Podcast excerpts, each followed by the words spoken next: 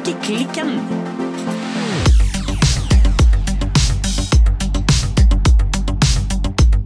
Hei, Birte. Hallo, Silje. Du, Birte. Ja. Hva eh, Hva, eh, åh, hva, var det vi, hva var det vi pleide å starte disse sendingene med? Um, Birte, ja. hva strikker du på i dag? er det noe annet spørsmål som gjelder? du, jeg strikker på kardigan nummer åtte. Gjør deg! Ja, nei, jeg er i full fyr på den. Men Oh, jeg har lært meg en ting siden sist. jaha. Ja. Kan du lært- sjonglere? Eh, ja, faktisk ganske god til å sjonglere. Det er på grunn av min bakgrunn som eh, RS-gymnast. jeg ser du har vært oppriktig overrasket Ja, nå. ja, nå ble jeg oppriktig. Jeg skulle bare liksom uh, throw you off og liksom sånn her Nå skal vi bare remje litt og tulle og tøyse litt. Grann. Men ærlig talt, du er ganske god å sjonglere. Ærlig talt så var jeg i hvert fall ganske god. Jeg må nok innrømme at den her øye-hand-koordinasjonen har liksom falma litt med åra, men jeg nei, hadde god sving på litt sånn sjongleringsaktige triks eh, For et, for et talent å bare gå rundt med, og ikke minst for et talent å skjule. For da har jeg aldri sett deg sjonglere. Nei, altså, du har jo ikke sett meg som eh, RS-gymnast, da. Altså, Nei, det er sant. ja, mitt tidligere liv. Ja, Pre-Bergen-liv. Pre-Bergen-liv, ja. Men er det liksom sånn at det sitter litt igjen nå, hvis jeg eh, håper å si, skjenker deg full nok, så kan jeg få en privat oppvisning? Jeg vet, jeg vet ikke om alkohol er liksom det beste middelet for å få i sving sjongleringa. For å hente Men, eh, fram RG, Birte. Men eh, RS, forresten. det, sitter, det, sitter litt, eh, det sitter litt i, men eh, selvfølgelig ikke sånn som før. Men jeg tror hvis jeg hadde tatt det opp igjen og liksom øvd litt, så kan han det funnet fram igjen schwungen på det. Herregud, dette gleder meg.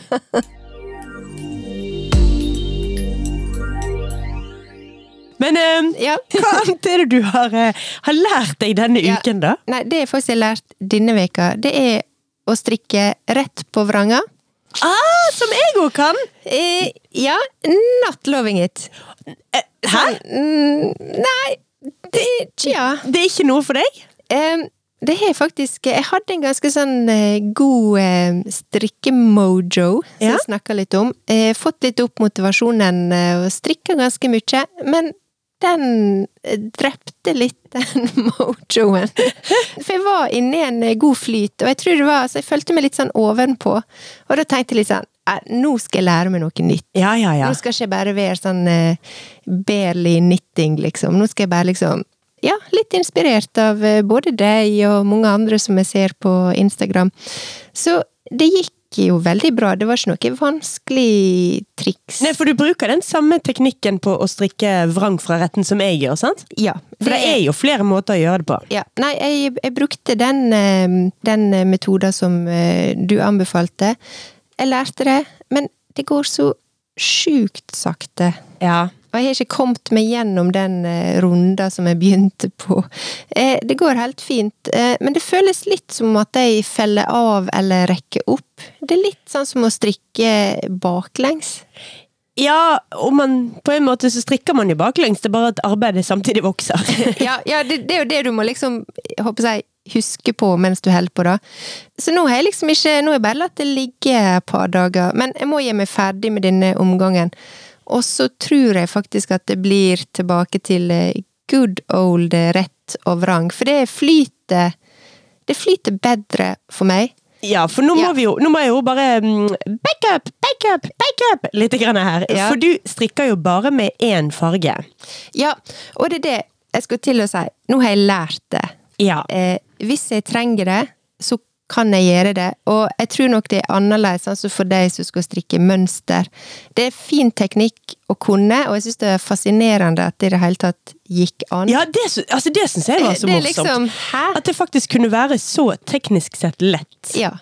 Men selvfølgelig, vi har begge bikket 40, sånn at det også skulle gjøre helt nye motoriske ting ja. Man kjenner jo at nevrologien, at hjernen er litt eh, Den er litt stivere enn man var når man var ung og liksom lærte seg nye ting. For det er jo rett og slett vanskeligere å lære seg nye motoriske ting Ja. når man ikke lenger eh, er De er helt unge. Ja. Nei, altså, det kan hende denne sjongleringa er litt enklere, for den kanskje sitter litt i fingrene på Den en eller annen måte. sitter nok i muscle memoryen din baki der, altså. Ja. Men eh, nei, altså, det er ikke så stress. Jeg sa jo det for noen episoder siden. Det er ikke så stress lenger for meg å strikke vrangt. Og jeg ser nå at eh, heller enn å strikke rett fram og tilbake, så vil det nok gå raskere og flyte bedre for meg nå med å bare strikke rett og vrang. Men det som jeg tenkte litt på, for at nå er jeg liksom kommet til motorveien på kardiganen, nå skal jeg liksom bare strikke fram og tilbake.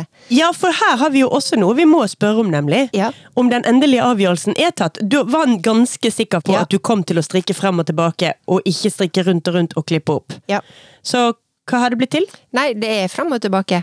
Ja, si, det, det sier seg jo sjøl, i og med at du nå begynner å snakke om at du strikker vrangt. Ja. Så skjønner jeg Ja, det var egentlig et idiotisk spørsmål fra min side.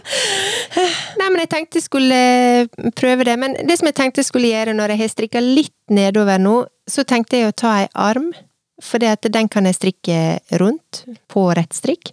Og så kanskje bytte litt på, sånn at uh, i beste fall så unngår jeg både denne her sleeve island, som kan eh, være litt sånn eh, draining når du strikker, og det gir meg en liten pause fra vrangstrikkinga. Altså, her var det mye å ta tak i. For det første så må jo da nå når jeg trodde jeg var ferdig Nei, nei, ikke litt engang ferdig. For det første så elsker jeg begrepet du nettopp innførte her. Ja. Sleeve Island.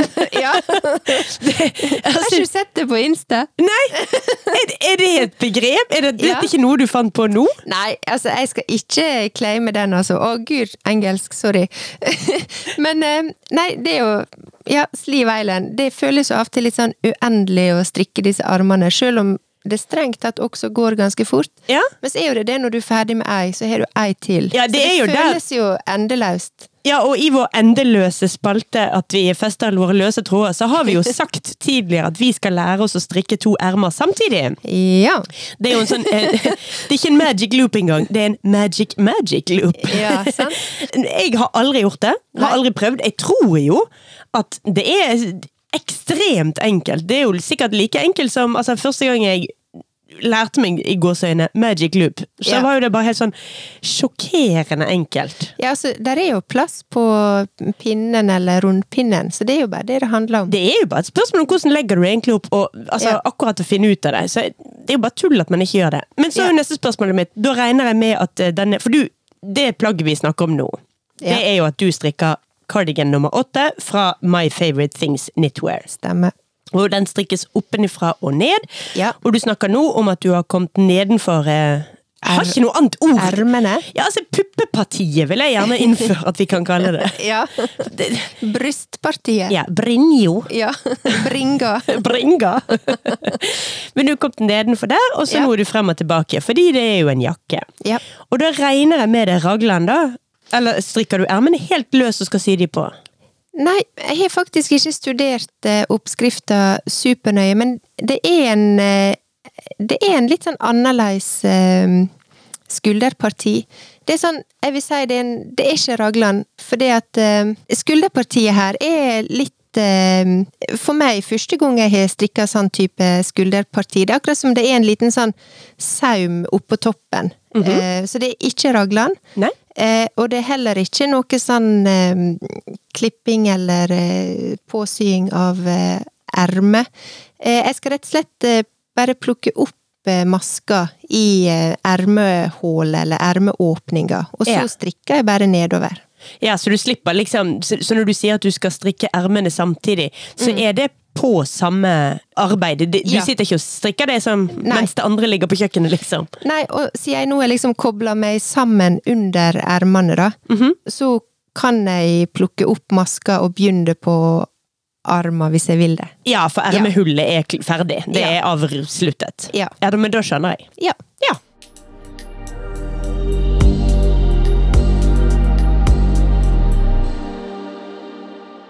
Men Silje, Jo, det skjer jo ting eh, med meg, hører du, men eh, hva har du begynt på nå? For nå er du i gang med noe. Ja, altså Vi avsluttet jo forrige uke med at eh, jeg måtte til to the Batmobile og Yes. komme meg til eh, strikkebutikken. Ja. Og da var det jo fremdeles litt grann åpent hva det egentlig skulle bli for et slags prosjekt. Ja, jeg tror faktisk at eh, det ble nesten bestemt i bilen. Vi, Ja. vi, snakka, vi snakka om det. Men den helt ferdige, den helt endelige avgjørelsen, Ja. den ble tatt når jeg oppdaget garnet. Ja. Nei, nei, garnet!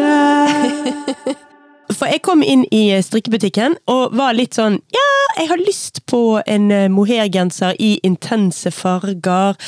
Kanskje noe magentaaktig, men kanskje noe sennepaktig. Eller oh, hva med å blande magenta og sennep? Mange tanker på en gang her. Ja, det var mye ja. tanker på en gang. Og istedenfor å stryke ut noen av tankene, Ja. så tok jeg alle tankene og beholdt dem. Og putta det i farger. Ja, og i ett og samme plagg. Ja. Så, jeg skal, jeg holder altså da på. Jeg har lagt opp og kommet meg et stykke på vei. ja, det regner jeg med. Det er jo tross alt snart en uke siden Ja, vi snakka herregud! sammen. Genseren er nesten ferdig, den. Nei, det er den ikke. Nei, altså, jeg skal strikke meg atter en uh, Tove-genser fra Gregoria Fibers. Yes. Det er jo den samme genseren jeg har på meg på eh, Hva skal man kalle det, da? Hovedpressebildet til strikkeklikken? Ja, promofotoet vårt. Promo. Jeg, jeg bytter Ja. vel litt klær i løpet av den session, men i hvert fall det som det ligger på nettsiden, der har jeg på meg en uh, Tove sweater. Der er den i veldig, veldig lys eh, pudder, eh, lys, lys beige eller noe sånt. Ja. Så det er samme modell, men denne gangen i sinnssvake farger. ja. Så det jeg skal gjøre, det er at bråtet nede og på ermene og oppi halsen, det blir eh, en slags sennep eller honninggul. Ja. Litt sånn, ja, brungul, noe i den duren der. Ja. Og selve bolen, denne genseren her, den strikkes jo da i eh, halvpatent, Ja. og den holdes sammen av tre silkemohairtråder. Ja. Så jeg sto i garnbutikken og likte veldig godt den ene fargen. Men så var det en annen farge jeg likte også veldig godt, og så var det en tredje farge jeg likte veldig godt. Ja. Og istedenfor å velge, så skal jeg da holde sammen de tre fargene. Så det blir tre, tre tråder med tre forskjellige farger. Ja, Som jeg skal holde sammen hele veien. Og de tre fargene Jeg har da kjøpt garn eh, Jeg har aldri strikket med dette garnet før. Nei. Merket heter Untold. Ja. Det er Pure Silk Mohair.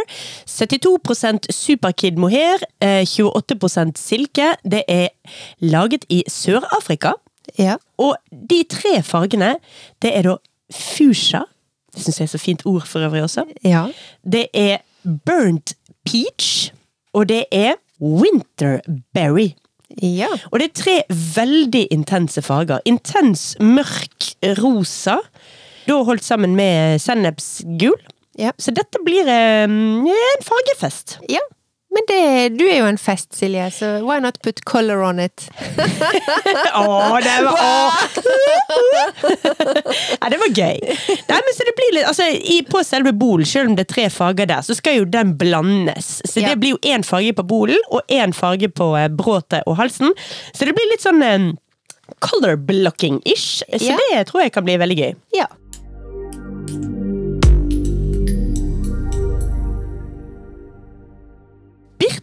Ja. i dag så skal vi eh, få oss en liten treat, føler jeg. Ja. Fordi du, selveste Mote-Birte, har Ja. kommet Kikki sørumet tilbake. Ja. Du skal komme i studio og gi oss en trendrapport for høsten eh, 2022. ja, så vi må jo bare holde tradisjonen og ja, gi en liten eh, rapport om hva som rører seg. Vi må jo det, og da, Ja. da må jeg nesten på forhånd også bare forklare noe som jeg sikkert kommer til å si flere ganger i løpet av episoden. Ja. Og det er Trend alert! Og hvor det kommer fra. Ja. Det er fra en YouTube-serie som heter Fashion Photo Review. Ja. Hvor det da er drag queens, stort sett eh, Raja og eh, Raven, som sitter og eh, gir toots and boots, altså yes or no, på de andre dragartistene sine antrekk. Ja. Det har jeg lyst til å innføre her hos oss. Ja. At når du gir oss en trendrapport, Ja. så kan jeg bare få si høyt Trend alert! Når du føler det, liksom. Når jeg føler meg Når jeg henter fra min indre drag-stjerne. Ja, jeg skjønner. Men uh, Birte, Ja. hva er hot on or not høsten 2022? Du, jeg tenkte jeg skulle begynne faktisk på litt sånn eh, hot hot or not, det, det, det, strider jo litt mot alt som vi ofte snakker om eh, her i podkasten. Det her med mote, bærekraft, og hva, hva, det kan være. Men det skal komme sånn litt, jeg skal komme litt tilbake igjen til det mot slutten. Mm -hmm. For at eh, aller først så kan jeg jo egentlig bare si det at uh, vi hadde jo en episode i vår som var vårtrender. Mm -hmm. Og da snakka jeg ganske mye om det her Y2K. Ja, og ja. det morsomme er jo at jeg satt og redigerte den episoden, og jeg vil si at halvparten av tiden så sa du Y2K, men andre halvparten så sa du YK2. Ja, eller 2YK. Ja, jeg, jeg blanda. Jeg, jeg, har ikke skjønt dette her greiene. Men Y2K, altså Year 2000, ja. Eh, er jo det det står for. Og dette her, eh, altså den her Y2K-mota, den er fortsatt veldig hot. Og kanskje spesielt for den yngre garde. altså mm ungdommen. Ungdommen, ja! Ungdommen, mm -hmm. ja. De som kan eh, på en måte leke seg og kanskje bevisst og ubevisst eh, gå for trender som, eh, som en ser henger i butikken. Eh, men de omfavner denne trenden. Eh, det er mye magetopper, mm. gjerne hekla, baggy jeans, skinn eller sky-detaljer.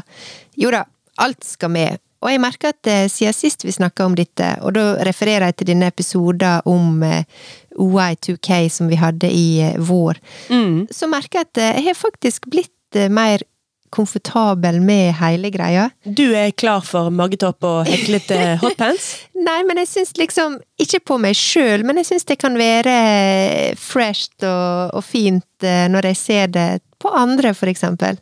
Ja jeg merker også at jeg liker jo best den litt sånn oppdaterte 2022 Y2K-stilen. Altså alt som er baggy, midtskill, smale briller. Eh, og jeg merker sånn, plutselig vurderer jeg å bare liksom hoppe i det og ta på meg en hvit eh, tanktop, eh, liksom. Så jeg merker at den har liksom kommet litt sånn snikende. Ja, men det er jo det der som ofte skjer, både med moter og ja, musikksmak og sånt. sant? Ja. Der du kanskje begynner med å liksom tenke uh, denne låten her, den var helt forferdelig første gang du hører på radioen. Ja. Andre gangen så går foten litt, grann, og tredje gangen så synger du med av all hals. Ja. Full hals heter det vel, ikke all hals. Men sånn er det jo veldig mye med mote også, at når ja. du først ser det, så er det sånn Æh! ja. uh, Det der! Men etter en stund så mm, ja. Ja, det kommer, kommer inn, og så er jo det, dette litt sånn typisk, for at eh, Y2K er liksom den hva skal jeg si, ferdiggjort for oss i vår alder. Ja, altså er vi er jo med, litt sånn been, been there, done ja, that. Så det er noe med når det kommer tilbake, og jeg kan levende forestille meg at uh, sånn var det når slengbuksene kom tilbake en eller annen gang på 90-tallet. Så var det nok eh, mange som rynka på nesa, og når vi snakka om liksom jeg håper jeg, mest utskjelte buksene, sånn høyvannsbukse, så var det liksom øh, ja, det skal mm. nå aldri mer gå i, og så plutselig så, så er du der. Men hvis vi skal mimre litt, så har jeg lyst til å trekke fram et merke som heter Chloé sin kolleksjoner fra vår 2000 og vår 2001. Så nå er du på den ekte Y2K, nå er ikke du på ja. Y2K Revival, du er på Nei. the real, den ekte skiten. Ja, på, på mimringa, rett og slett. Mm. Um, men dette var når eh, Stella McCartney satt i eh, sjefsstolen, og mange var litt sånn skeptiske, for da så var hun først og fremst Paul McCartney sin datter. Mm. Uh, I dag så er hun vel fremdeles for så vidt det, da. Ja, Strengt tatt. Men, men, hun har skapt sitt eget navn. Mm. Eh, men da så var det nok en del som mente at hun kom liksom litt lett til det på grunn av eh, sin eh, bakgrunn. Mm. Men alle disse kritiske stemmene, de ble veldig fort eh, gjort til skamme. Og selv om eh, Stella da tok over etter Karl Lagerfeld, så var det Stella som gjorde Chloé til det hotteste motemerket rundt 2000-tallet. Og dette syns jeg er Y2K på sitt beste. Ja, men da må du beskrive litt for meg, da. Hva, var det, hva slags klær var det Stella McCartney gjorde for Chloé? Ja, altså, når hun viste disse her altså 2000 og 2001-kolleksjonene, så er det, det partytopper, eh, det er strassdetaljer. Jeg husker hun hadde noen solbriller med sånn strassdetaljer på. Det var veldig lavt Eh, liv på buksene. Mm. Det var jeans, og dette var faktisk ganske kontroversielt, å vise liksom vanlig plaine dungeribukser på catwalken. Chloé var tross alt et ganske konservativt eh, fransk merke med en lang eh, haute couture-tradisjon og historie. Mm. Men Stella, altså Alt hun tok i, det ble til gull, bokstavelig talt. Eller i hvert fall strass i en periode. Jeg ser jo for meg Altså, jeg hadde jo, som vi allerede har sagt, vi var jo der. Ja. og ikke at jeg hadde råd på noen måte til å ha noe Chloé-solbriller, men jeg har helt klart hatt solbriller med strass på. Altså Ja. sånn hjerte inne på glasset og sånt. Det akkurat det. Ja, ja, ja, ja. Gucci, ikke Gucci-solbriller, det er det ikke råd til, men jeg har hatt fake Gucci-solbriller i sånn tynne, svarte. De var superfine. Ja. Men fake, da. Ja. Vårkolleksjonen etterpå, i 2001, det er det som gjerne blir kalt liksom hestekolleksjonen. Hestekolleksjonen. Og det er fordi at da er det veldig mye kjoler, topper, bukser, med rett og slett sånn hesteprint på. Liksom hest i silhuett på en eller annen måte. Hest i silhuett Å ja, altså, oh ja, en, en trykt av en Herregud, nå så jeg for meg at kvinnekroppen skulle se ut som en hest i silhuett, med litt sånn eh, Men jeg forstår. Det er et Ja. hestemotiv trykket på. Ja. Altså, dette for meg er liksom Y2K på en måte som eh, faktisk eh, kjennes både tidløst, eh, klassisk og veldig inspirerende den dag i dag. Og det er liksom Ja, jeg vil anbefale alle å liksom google seg litt fram og finne inspirasjon i disse her Stella McCartney sine tidlige 2000-talls eh, Chloé-kolleksjoner.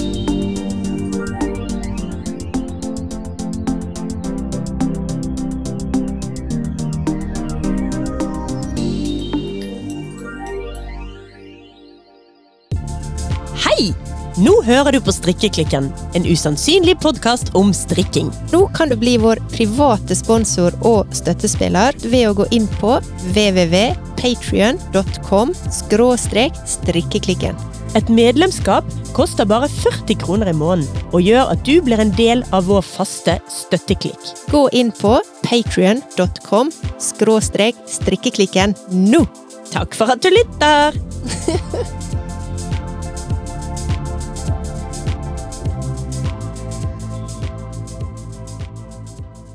Men jeg tenker på, altså i hvert fall i mitt hode, så var jo 90-tallet ganske kjedelig motemessig. Det var mye mm, plaine farger og veldig mye sånn dushet og mye grått og hvitt og sort. Og det har vi kanskje mer kommet ut av en sånn periode nå igjen, da. I hvert fall med beige mer denne gangen. Denne gangen i mitt hode var det mer grått. Ja. Og så kom det liksom 2000-tallet inn med mye mer farge. Ja. Tenker du at det er det som skjer fargemessig og nå også? Ja, vi har jo snakka om det før, at uh, mote går liksom i sirkler, og det går i motreaksjoner. Og, eh, og det er jo litt med det at eh, på et eller annet tidspunkt så går du litt sånn lei, og du har lyst på noe nytt. Sånn er vi som mennesker, tror jeg, og det er litt sånn uavhengig av om du jeg håper jeg, Det handler ikke om å skifte stil, men det er liksom bare å føle litt forandring. Men jeg har lyst til å bare snakke bitte litt mer om eh, Y2K før vi går videre. Ja. Altså Hvis det fortsatt er litt hardt å omfavne Y2K-stilen, så fins det noe Altså, så fins det produkt eller noe fra denne perioden som kanskje er litt enklere å like eller integrere, også for oss som var der Ja. and, and did it. Eh, Nemlig It-bags. Ja. Ja, for at på slutten av 90-tallet så kom også veskene inn i motebildet, og vi fikk det som vi kaller liksom it-bags. Plutselig var det liksom veskene som også var med på å liksom definere moten. Eh, og du fikk sånne vesker som alle skulle ha, og som liksom på et eller annet tidspunkt nesten var det viktigste, den viktigste delen av antrekket. Mm. Så hvis du vil ha litt sånn Y2K-feeling, men kanskje uten denne her eh, magetoppen eller eh, juicy bukser, buksa, så vil jeg anbefale oss å se gjerne i skapet eller på bruktmarkedet etter væske som for eksempel City fra Balenciaga. Alt eh, som eh, Takashi Murakami og Louis Vuitton gjorde sammen. Jeg vet ikke om du husker disse han farga liksom eh, Eller lagde væske i hvitt skinn, og så var Louis Vuitton-logoen i eh, knallfarger. Ja da, jeg husket Ja. de. Husker de. Hatet de. Og Ja. la meg få legge til hater de. That coming from en person som Jeg liker godt Takashi Murakami som kunstner, men de der veskene Ja. syns jeg var brutalt forferdelige. Ja. Men eh, uansett så står det i hvert fall tilbake igjen som en sånn Uber It-bag fra Y2K-æraen, da. Ja, altså hvis man har Man finner en uh, Takashi Murakami eh, Louis Vuitton-veske i skapet som man egentlig har glemt, og man ikke visste den, man hadde den engang. Ja. Hvis, man, hvis man har et sånt klesskap, Ja. så er dette rett og slett rett tidspunkt å ta den fram igjen på. Det er det, og da får du liksom integrert litt, eh, ja, litt Y2K, oppdatert eh, litt. eh. Du har også den her eh, Dior Saddlebag, eh, eller Paddington fra nevnte Chloé. Så ja, enkel oppgradering med touch av eh, Y2K. eh, Det kan være å tenke litt på, på veskene. Og så kan det faktisk være ei god investering også, for dette er væsker som eh, bare holder seg i pris, eller faktisk mest sannsynlig går opp i pris etter hvert som åra går. Ja, så lenge man klarer å behandle de sånn noenlunde fint. Hvis du er som meg med veskene dine, at du snubler i de og legger de fra deg absolutt overalt, og finner de nedgravd i sanden på stranden og sånn, så, så, så er det sjelden de går opp i pris. Nei, en- dette er væske som en må ta litt, eh, litt vare på. Ja. Men eh, mens vi er inne på skinn, eh, så er jo det også fortsatt aktuelt med skinn. Eh, Gjerne i form av kanskje store, litt sånn oversized blazere eller dressjakke i skinn. Og så er jo det, hvis jeg skal liksom trekke inn strikk nå, da, Ja. eh, så er jo det også noe med kontrasten mellom det her glatte skinnet og det her litt sånn taktile garnet eller pusete garnet som alltid er interessant. Og hvis vi tenker skinnbukse, for eksempel, så er jo liksom det beste tilbehøret til ei skinnbukse, det er jo chunky strikk. Det er det jo. altså Enten chunky strikk eller løs mohairstrikk. Da har Ja. du virkelig to gode kontraster, så det er jo helt nydelig. ja. Det taktile og stoffligheten mot hverandre der er jo helt nydelig. I tillegg må jeg jo få si at da får du den added value av at du kan gå med en pusete mohairgenser, og likevel slipper å sitte og flikke, altså putle sånne små hår av Ja. buksa di hele tiden. For skinnet jeg trekker jo ikke til seg noen ting. Det er veldig praktisk. Veldig det. um, og så vil jeg, når vi, når vi snakker om bukse, da, så Cargobuksa, den er liksom kommet for å bli. Ja, vi er på cargobuksen nå, ja. Ja, eh, og det har vi sett de siste sesongene, at den har liksom begynt å Men eh, jeg vil si nå utover eh, høsten og neste vår, så eh, baggy cargobukse er Og jeg må si, ja, dette er også litt sånn ting som er liksom mm, Var ikke klar, men nå er jeg litt sånn Ja, kanskje jeg er klar. Men da må jeg jo spørre for oss litt sånn uh, motehandikappede mennesker. Kan du egentlig definere hva er en cargobukse? Ja. Eh, du altså, cargobukse er rett og slett ei bukse med ganske mange lommedetaljer. Ja. Meninga her eh, er jo at eh, det er ei bukse der du kan ha litt eh, verktøy i.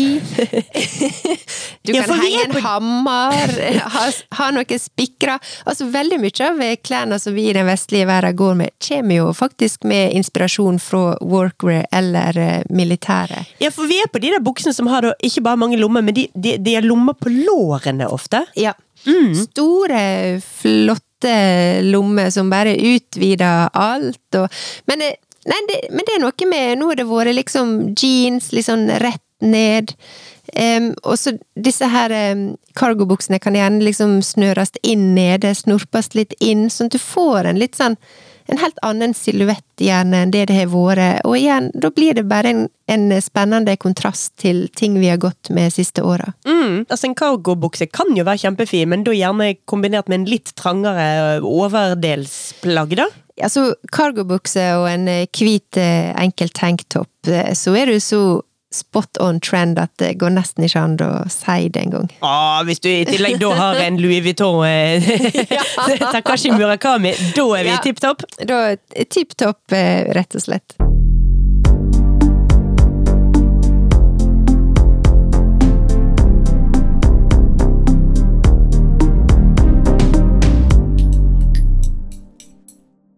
En annen litt sånn kjekk trend som vi ser nå i høst, som ikke nødvendigvis har noe med Y2K å gjøre, men det er en trend som heter Barbiecore. Barbiecore! Ja. Dette, dette må du forklare. Ja, altså Ken og Barbie. ja. Eller Barbie, hvis vi snakker norsk. Jeg kjenner til både Ken og Barbie. Ja. Bar Barbie? Barbie, jeg tror alle gjør det. Men nå i eh, år så er det kommet en film som heter Barbie. Ja! Det er Ja. den med Ryan Gosling og Margot Robbie, ikke det? Yes, det stemmer. Og denne her filmen er såpass eh, Hva skal jeg si? Gøy, sånn rent visuelt eller estetisk. Ok. Eh, Så den, den har liksom slått litt eh, igjennom. Og vi snakker jo selvfølgelig da litt sånn neon, Oh. rulleskøyter, Oh. solkrem, holdt på å si. Eller sånn solbrem, mener jeg. Ja, ja, ja, ja, sånn ja, Sånn som Barbie har. Sånn så, nettopp. Sånn som Ba- Barbie har. Ja. Altså den der, Det er ikke en caps, for den har ikke hodet opp. Altså den, Det er ikke en hatt. Det er bare den bremmen foran. Det er egentlig bare to stykker som eh, kan bruke dette. Og Det er, det er Barbie eller folk som spiller poker, føler jeg. Ja, sant. Eh, men det er liksom alle disse tinga som en kan tenke seg høre med når eh, Barbie blir liksom menneskeliggjort, da. Ja. Før vi tenker at vi skal liksom kopiere både utseendet og klærne og for så vidt livet til Barbie. Det er liksom ikke det. Det er liksom mer den her litt sånn ville fargekombinasjonene som, som eh, Barbie-livet gir oss. Ja, altså det, det Jeg tror ingen lukker øynene og tenker på Barbie, og så ser de for seg beige og dust og grått og naturtoner. Nei. Vi er jo på maks mengde saturation, altså mengden farge skrudd til maks, og gjerne forbi det også. Ja. Og så er det eh, også veldig sånn Instagram-vennlig. Mm. Eh, fordi at, eh, som jeg sa, det handler ikke nødvendigvis bare om eh, liksom, hva Barbie har på seg og sånn, men det er liksom mer den her rosa-rosa-verdenen, Mm. som er så um, visuell og iscenesette, og som også gjør seg er så fotogen, og som gjør seg så fint på eksempel Instagram. Så jeg tror det også er et litt sånn element i denne her Barbie-core-trenden, da. Mm. Åh, men dette her liker jeg, altså. Så da har vi Nå kan jeg bruke det. Trend alert! Ja. Det er rett og slett Barbiecore. Ja. Men begrepet, da? Barbiecore? Hvor kommer det fra? Nei, litt sånn eh, Det er jo et veldig gøy begrep, litt sånn fra hardcore, men liksom Barbie er jo alt annet enn hardcore. Oh, ja, så det- jeg tror det har noe Fra med det å musikken hardcore og stilen liksom hardcore? Ja, så noe som er hardcore, men Barbiecore er jo Ja, det er jo en veldig sånn eh, Det er jo ei retning, liksom. Ja, og en motstykke også til normcore, sikkert. Ja, Ja, normcore, hardcore, barbiecore. Jeg liker dette begrepet. Det som er litt interessant med Barbiecore, når vi snakker om disse fargene, det er jo det at dette er jo en trend som jeg tenker lett kan eh, oversettes til eh, strikking også. Se for deg eh, altså, å strikke i neonfarger. Og vi ser jo at neonfargene er kommet liksom mer og mer. Og jeg vet jo at du er en av de som er glad i det. Jeg er veldig glad i neonfarger, for ikke snakke om at vi nå endelig da kan begynne å strikke leggvarmere igjen. Dette her er jeg klar for! Leggvarmere! Altså, du, du vil ikke tro hvor kald jeg har vært på leggene de siste 15 årene. Endelig kan vi hente leggvarmerne fram igjen, og da Ja. strikker de i neonfarger, og bare finne ut at ja, men det er jo barbiecore. Det er Barbiecore. Og en, det som er kjekt med for eksempel i forhold til strikking, det er jo det at hvis du har lyst til Du trenger ikke å gå full on med genser og, og liksom cardigan Men du kan. I, du kan, i neon. Men eh, ei hue, votter, et skjerf, noen leggvarmere Altså, det, det er ganske lett å ta liksom denne her neon eh, Barbiecore-trenden inn i strikkinga også, da.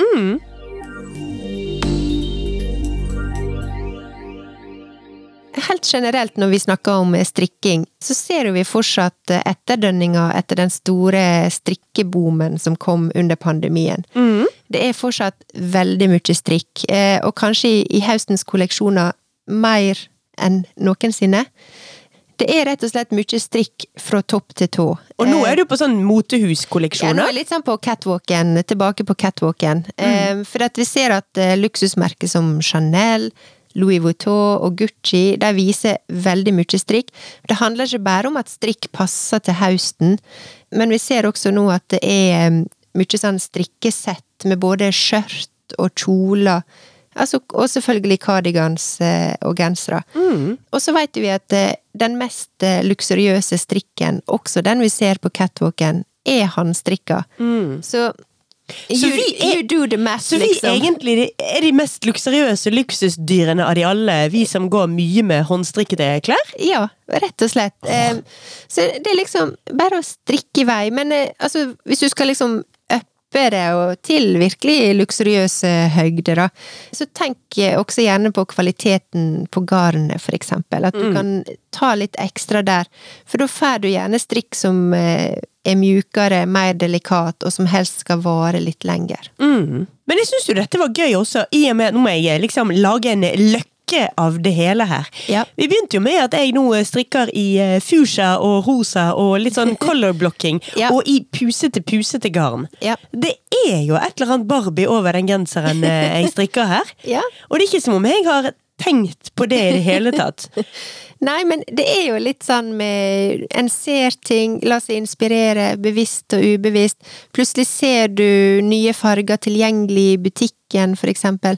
Så alle disse her trendene eller tendensene, der kommer jo ofte sånn snikende på oss. Ja, Vi er, enten vi liker det eller ei, så er vi liksom under the influence, sånn helt generelt.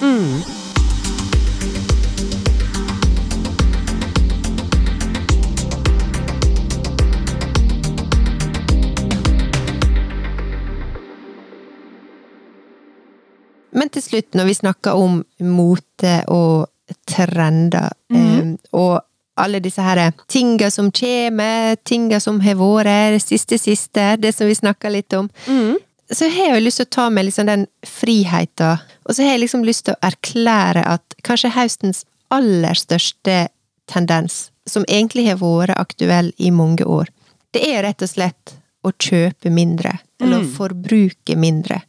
For at det, høyt forbruk, det er ikke kult.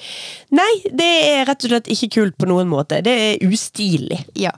Og det er veldig mange måter å kutte i forbruket på, og det som jeg håper, sånn, eh, også for meg sjøl, men også for lytterne våre, og som jeg prøver å liksom ta med meg når vi snakker om det nyeste nye, og hva som gjelder i, i vår, og hva som gjelder i vinter og i høst, det er jo det at jeg håper at eh, dette kan være litt sånn inspirasjon til å gå i klesskapet, til å finne fram liksom ting som kan være aktuelle igjen, kanskje.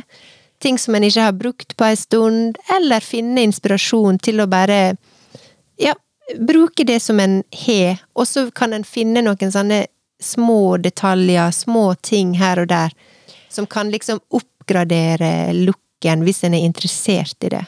Ja, eller lage ting, farge ting, bruke små Altså, har du langt hår, så sett det nå opp i en eh, sinnssyk frisyre à la Barbie, da.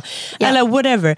Vi snakker på ingen måte om å gå i butikken og kjøpe seg nye ting. Nei. Og jeg vil også si at eh, jeg las nettopp en eh, artikkel i Bergens Tidende, og der står det at eh, flere nordmenn kjøper brukte klær. Så det er jo også en tendens som vi kan se, som er både ja, viktig, men også en trend som vi kan se, da. Og her står det at eh, en undersøkelse fra Finn, så viser det at eh, nordmenn kjøper mer brukte klær nå enn for tre år siden. Så det er en sånn holdningsendring eh, som skjer i samfunnet, og at vi syns det er liksom mer greit å kjøpe brukt. Ja, altså, jeg må bare si for min egen del der Jeg har faktisk eh, kjøpt litt brukt i det siste. Ja. Som du vet. Først Ja. var vi i London, og der eh, kjøpte vi, meg en eh, brukt kimono. Ja. Og så har jeg jo kjøpt en brukt jakke og et par brukte solbriller av deg. Ja, det er det. Det- det- Du har rett og slett solgt meg en Conde de Garson. Jeg vet det er Comme de Garçon, Ja. men det som er gøy med Comme de Garson ja, Ja. og Akne-solbriller. Det er kjempegøy. Ja. Så det er jo helt riktig både å kjøpe og å selge klær. Altså, du selger klær du ikke bruker, og jeg kjøper de. Ja. Og bruker de. Bra sirkulering eh, der.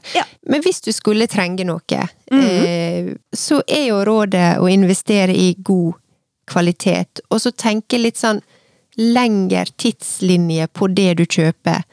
Noen klær kan faktisk vare i 10-15-20 år, for eksempel trenchcoat eller ei ullkåpe, et silkeskjerf, en kasjmirgenser. Så det er liksom noen ting som du med god samvittighet kan investere i, for dette det er plagg som du vil ha glede og nytte av i mange år, og som lett kan eh, oppdateres med ja, neon eh, barbiecore-aktig hue, eller hva Legg det skulle være. Legg varmere. for eksempel. Og så et annet tips eh, som jeg vil også liksom sjekke ut når det er salg. For jeg siste året har blitt en sånn skikkelig sånn bargain hunter, rett og slett.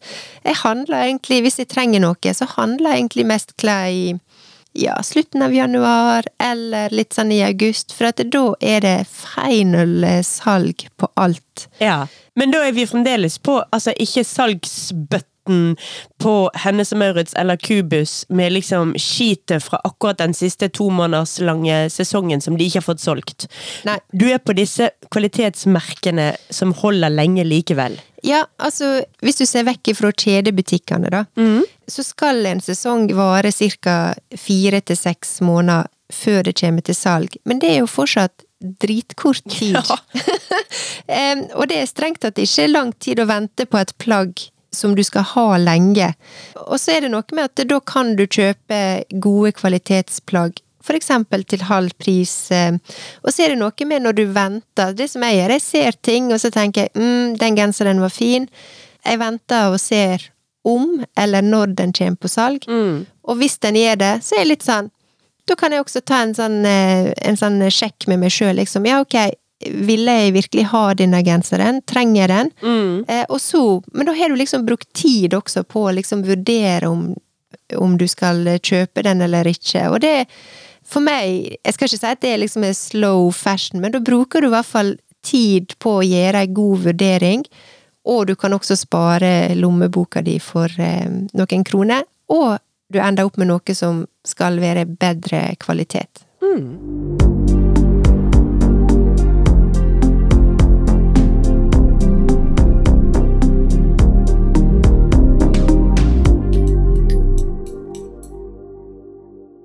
Det finnes også flere og flere bruktmarked. Klesbyttemarked, bruktbutikker. Du har finn.no, Theis for eksempel. Sånn at eh, dette speiler jo igjen på at dette er noe som er mer og mer i tida nå. Og det å kjøpe brukt eller å bytte, det er liksom ikke Ja, det, det er det som er kult. Det å gå og kjøpe seg noe nytt i butikken, det er litt sånn Nja, trenger ikke det. Nei. Så her kan du være både bærekraftig, og du kan spare penger. Og jeg vil også si at nå, du Ja, det er i, tida, og jeg håper at dette er ikke bare en trend, men, eh, men rett og slett en forandring i forbruksmønsteret vårt. Ja, og det som jo er så rart, og dette har vi snakket om tidligere, men jeg har lyst til å banke det inn igjen som budskap, det er jo at dette er ikke noen ny greie at man nå skal tenke annerledes og mer, mer bærekraftig når det gjelder klær. Det nye det rare avviket er jo den måten vi har gjort det på faktisk hele livet vårt. Men historisk sett er jo det det som er avviket. Vi snakker om, det har vi snakket om tidligere, at når din eh, lillebror, nei unnskyld, når din storebror ble født noen år før deg, Ja. så er han oppvokst i rein hjemmesydde klær. Ja. Og så kommer du, født i 1978, som meg, og vi hadde mer kjøpeklær. Ja. Og da de ble slitt ut, og man la de vekk, og man kastet de eller ga de til Fretex, og de ble borte, og de forsvant. Ja. Og nå er det da mer tilbake igjen til sånn som det skulle ha vært, da. At man bruker det ordentlig opp. Man bruker klærne til de blir mye mer ordentlig utslitt. Og man kjøper mindre, og man lager seg mer sjøl. Og man bytter det man ikke kan eller vil bruke lenger. Ja, og så er det igjen tenk kvalitet. Eh, Jeg tror vi alle som eh, går og kikker på om det er Fretex eller i bruktbutikken, så ser du det at det er ikke disse her fast fashion-plagga du har lyst på. Nei. Og det handler mye om eh, kvaliteten. Du kan finne ei kåpe som er 40-50 år gamle, som har stålkvalitet, og så ser du ei tilsvarende som er to-tre år gammel, som er egentlig Ja. Den er utslitt. Ja. Den er klar for Den å bli har- vaskeklute eller Ja. ja. ja, fyll i vegger eh, på dette tidspunktet. Ja, den har ikke den samme kvaliteten, eller eh, patinaen som også Patinaen som denne De gjerne litt eldre plagga har. Så det er litt sånn Jeg vil bare Ja, det vil jeg banke inn. Tenk kvalitet. Og det kan svi litt å liksom bruke litt ekstra penger, men da må du utvide tidsperspektivet. Tenk denne kan jeg ha i ti år. Mm. Eh, hva ville du liksom Det handler ikke om at denne vil jeg ha nå, og så kan jeg kjøpe noe nytt eh, neste sesong når jeg har lyst på det, eller neste år, eller neste år. Tenk alle disse småsummene. De blir store til slutt, de også. Mm. Eh, og det er ikke bærekraftig å drive og kjøpe det ene plagget du har lyst på, og så får det heller koste litt mer. Så til slutt var rett og slett det trend alerten! There ain't no trends, bare slutt å kjøpe ting. Jo, men jeg vil si det å tenke på forbruket er en stor og viktig trend nå, og det har også med holdning å gjøre. Og så går vi litt inn i trange tider nå, kan vel få lov å si det. Rentene går opp, alt, alt går opp, virker det som. Mm. Det at rentene går opp, det er jo også for at vi skal dempe forbruket, så det er faktisk ikke bare en, en trend, men det er faktisk noe viktig vi gjør nå for å bidra i samfunnet. Ikke bare på en bærekraftig måte, men også på en rent økonomisk måte. Mm. Så jeg har en liten sånn kjepphest eh, til slutt, eh, for eksempel, hvis en har lyst til å spare penger. da. Nå ble dette plutselig økonomirapporten. Ja, for nå sa vi farvel til Kikki Sørum og eh, god dag til Hallgeir Kvassheim. Ja, det kan du si. Men jeg, jeg syns jo Jeg tror jo framover så, så er liksom Må vi tenke på hvordan vi bruker pengene våre. Mm. Og vi snakker jo også veldig mye om eh, altså det her å gi verdi til plagga. Mm. Eh, gi verdi til eh, tekstilene. Det er jo derfor vi snakker så mye om motehistorie, tekstilhistorie. Det er jo for at vi skal forstå hva det er som ligger bak det plagget som henger i butikken. Og at ikke det er bare noe som Ja, det, det skal være noe som eh, betyr noe, eller noe som vi skal tenke oss om eh, før vi forbruker, da. Ja, jeg vil jo egentlig dra det enda større også, ikke bare til klær. For jeg tenker at har du først begynt å tenke sånn rundt klær, så vil det også smitte videre. Da begynner det å smitte over til ja, kopper og kar og egentlig alt man ender opp med å kjøpe. Kanskje ikke akkurat rene forbruksvarer, da. Jeg mener Tannkrem er fremdeles tannkrem, og dopapir er fremdeles dopapir, liksom. Ja, vi må ha det. Noen ting eh, trenger man ikke liksom tenke å, dette skal holde så lenge. Men, men den tanken og den erkjennelsen av hvor mye det krever å produsere ting, Ja, ja. det tenker jeg jo at skal komme alle tingene man drar inn i huset til gode. Og hvor sjelden vi faktisk trenger noe. Ja. Dette er jo en kjempestor trend. Sant? Det er jo bare en sånn ting som Hva vil du helst ha? Vil du ha en potteplante, eller vil du ha snittblomster? Ja, ja. Det, snittblomster er future garbage. Potteplanter er fremtidens ting som du har i årevis og årevis. Hvis du har ja. sånn litt grann peiling på hvor ofte de skal ha vann. Ja. Men et lite sånn eh, tips eh, helt til slutt. eh, Og ja, nå er, det, nå er vi mer luksusfellen enn Ja, Kikki. Kikki Sørum. Ja, men jeg liker Hallgeir også, jeg. Altså. Ja, ja. Velkommen i studio, Hallgeir. Men eh, bare sånn eh, Det er faktisk veldig mye penger å spare på frisør. Mm. Kjøp en god sjampo og balsam, gjerne hårmas hårmaske. Kanskje investere litt mer i det. Så kan du kutte ned på frisørbesøka. Og så tenke om en kanskje lyst til å slutte å farge håret, i hvert fall så ofte, eller i det hele tatt. Å gå for eh, naturlig hårfarge, selv om det kan bety å få innslag av eh, grått, det er også en veldig sånn sterk eh, tendens. Det å gå for det naturlige. Og hvis du har litt grå hår, eller heil, heilgrå eller halvgrå, so be it. Det går bra. Og det vil spare deg for utrolig mye penger og tid. Og så ikke minst miljøet også, for du slipper å skylle ut alle disse her eh, fargestoffene hele tida. Så det var bare en liten sånn For meg, jeg begynte for eh, Det er en del år siden jeg slutta å farge håret, og jeg begynte også å bare klippe meg veldig sånn enkelt. Egentlig ja, maks to-tre ganger i året. Og det har vært en stor befrielse å slippe å tenke på at jeg hele tida må til frisøren, fikse opp eh, etterveksten, klippe meg sånn og sånn. Det har spart meg bare så utrolig mye tid og penger. Så det er bare sånn lite sånn eh, tips eh, helt på tampen her. Ja. Så trend alert! Skaff deg grått hår og sjokkfargete leggvarmere, så, Ja. så snakker vi. Kompensere, kompensere litt på andre måter.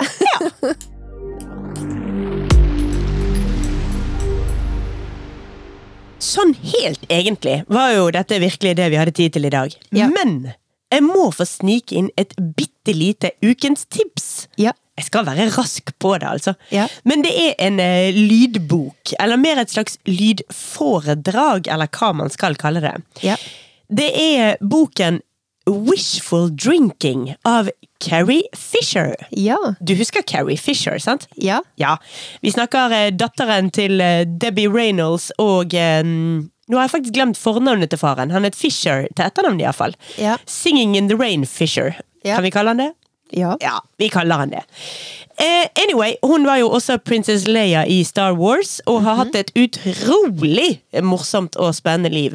Med mye alkoholisme og stoffmisbruk og psykisk sykdom. ja. eh, Men det høres ikke så gøy ut. Det er så gøy! Altså, Gærne mennesker med mye problemer er altså så himla vittig. I tillegg til det, hun begynner dette her bok- eller foredraget med at hun dessverre har glemt alt fordi hun har fått så fryktelig mye elektrosjokkterapi.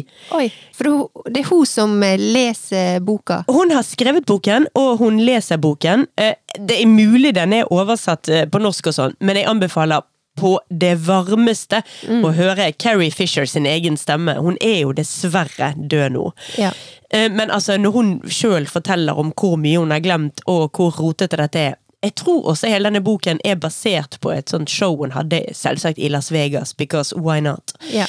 Men det er rett og slett bare enormt vittig. Hun var jo også gift med Paul Simon, og altså, hun kjenner jo alle. Alle anekdotene hennes handler jo om um, Kjente folk. Ja, Ja. Det, selvsagt så havner, Ja. er hun på fester med Meryl Streep og alle, og alt er gøy alltid. Ja. Og altså, det er bare hele livet hennes er kjempevittig, og eh, hun er, eller var, bare utrolig morsomt menneske.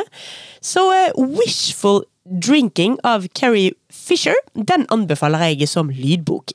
Rett og slett veldig gøy å høre på mens du strikker. Ja.